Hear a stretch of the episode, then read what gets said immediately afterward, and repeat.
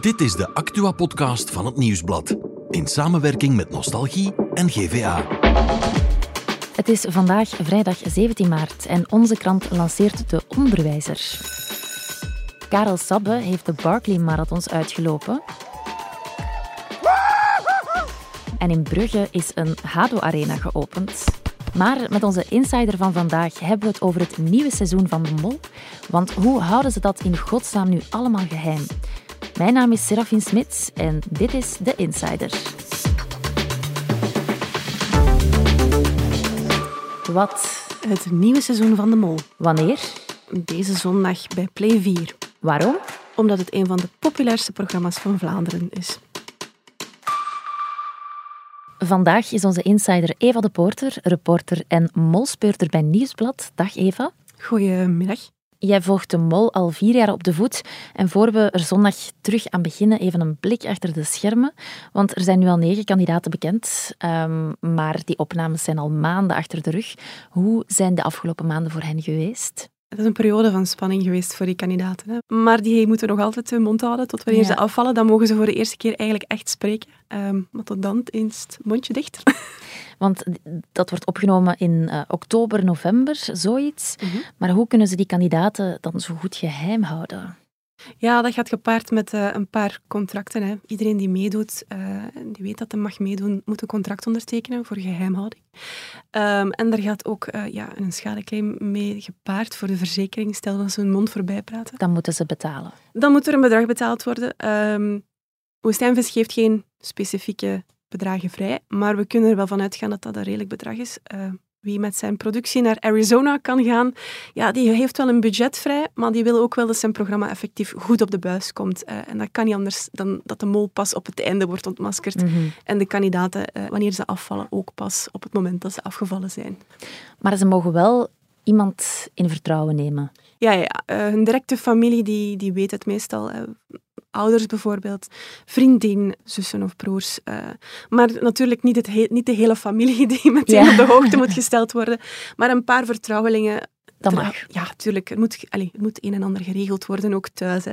Uh, kind drie, drie weken alleen laten, dat gaat natuurlijk ook niet, bijvoorbeeld, hè, op die manier. En hoe komen die kandidaten, dat vraag ik me altijd af, ertoe om zo drie weken volledig te verdwijnen? Ja, dat is part of the game. Als je meedoet met de mol, weet je, er gaat drie weken ja, slot op uh, sociale media moeten gedaan worden. Er mag niets gedeeld worden. Dus ja, er moeten smoesjes verzonnen worden. Hè. Um, ik weet nog, Christian, uit het uh, seizoen met Alina als mol in Griekenland, die had uh, aan zijn directe omgeving, die het niet wist dat hij zou meedoen, wijsgemaakt dat hij naar Zweden zou gaan om daar een ernstig zieke Erasmus-student te gaan bezoeken. En dus ernstig ziek, mm, heb je beter die telefoon niet bij. maar ook achteraf, hè, wie vroeg afvalt, die moet uh, zien dat hem drie weken onderduikt. Uh, Jens Sutterman, in uh, zijn eerste seizoen dat hij meegedaan heeft, vorig jaar heeft hij ook nog eens meegedaan, maar het eerste seizoen was hij eigenlijk meteen naar huis, nog voor het spel effectief startte. Ja. Um, kwam hij thuis en dan, ja, zijn kelder stond onder water, want het was net heel erg aan het regenen. Dus hij is drie weken in de bijbouw gaan logeren en zijn vrouw moest hem eten brengen. Gezellig. Drie weken in de bijbouw. Ongetwijfeld. Ja, jullie journalisten moeten daar natuurlijk over schrijven. Um, normaal bij andere tv-programma's krijg je op voorhand al een preview te zien. Maar bij de Mol is dat een tikkeltje anders. Hè? Ja, normaal gezien krijgen wij bijvoorbeeld bij de slimste mensen ter wereld krijgen wij al een week op voorhand verschillende afleveringen. Zodat je al kan beginnen schrijven. Maar um, bij de Mol is dat inderdaad anders. De eerste aflevering gaan wij op locatie gaan bekijken. Uh, om daar al rechtstreeks een gesprek te voeren met de afvaller. Maar daarna gaat het allemaal digitaal, via een previewlink, een paar uur voor de uitzending ook op tv komt. Uh, en het bijzondere daaraan is dat net op het spannendste moment, als Gilles de Koster heel traag de namen van de verschillende deelnemers begint te tikken, dat wordt eraf geknipt. Wij weten dus niet uh, in het fragment wie hier afvalt. Wij moeten bellen naar de woordvoerder.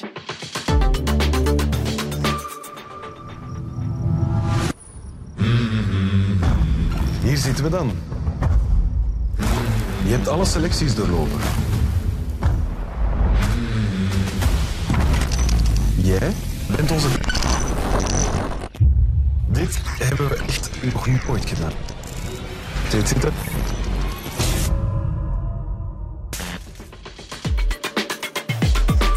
De serie loopt nu al acht jaar Acht jaar sinds de reboot, ja. sinds de reboot. En dat blijft maar leven. Heb je een idee hoe je dat succes zou kunnen verklaren? Het zit hem enerzijds natuurlijk in een heel simpel concept, een heel simpel format. We moeten zoeken naar een saboteur en er zijn theorieën bij betrokken. Dat vinden we plezant. Maar ook, het is een groep van tien kandidaten die wij van haar nog pluim kennen, zijn onbekenden voor ons. En, en dat zijn vooral kandidaten die heel goed geselecteerd Ja. zijn, dat is heel belangrijk. Uh, Gilles de Koster zei me dat ook.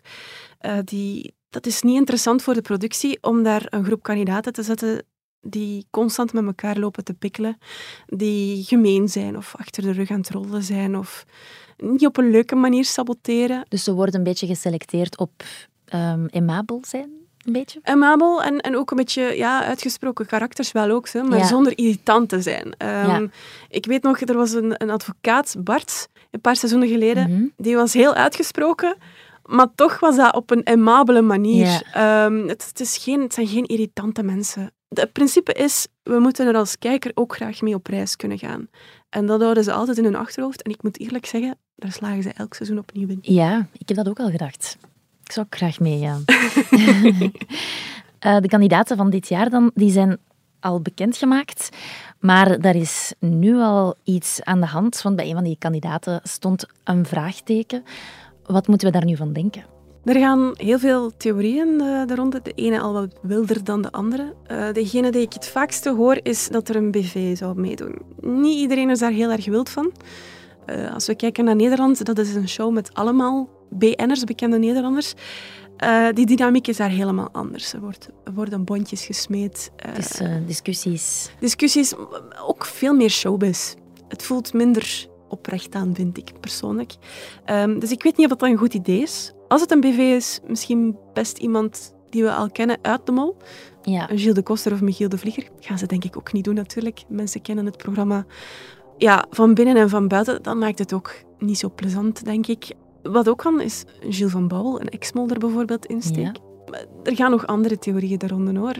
De zus of een broer of een neef en een nicht van een kandidaat. Het kan van alles zijn. Dat is de mol. Maar, maar dus hopelijk geen BV.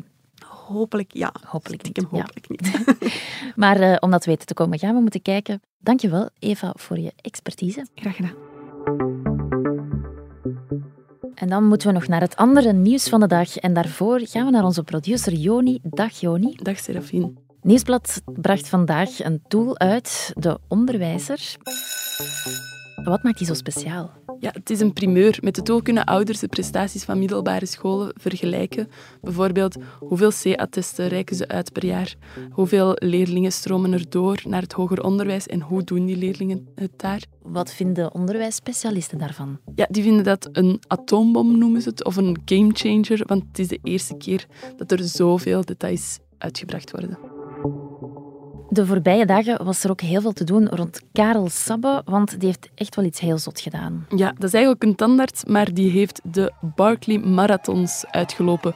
Um, ja, die is er al 60 uur aan bezig, want dat zijn vijf lussen van 32 kilometer die binnen de 60 uur mm -hmm. ja, voltooid moeten worden. Dus 60 uur gelopen. 60 uur onderweg geweest.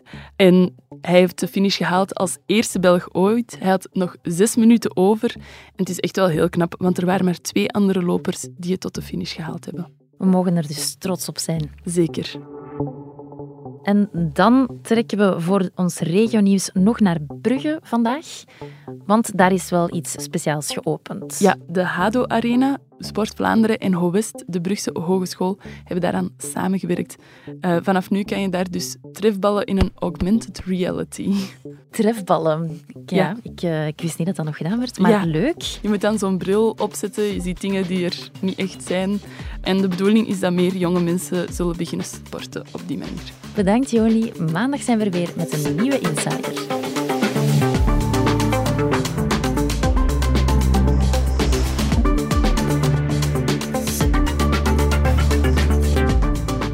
Dit was The Insider, een podcast van het Nieuwsblad in samenwerking met Nostalgie en GVA. De muziek is van Pieter Santens. De montage gebeurde door House of Media. Wil je reageren? Mail naar podcast.nieuwsblad.be.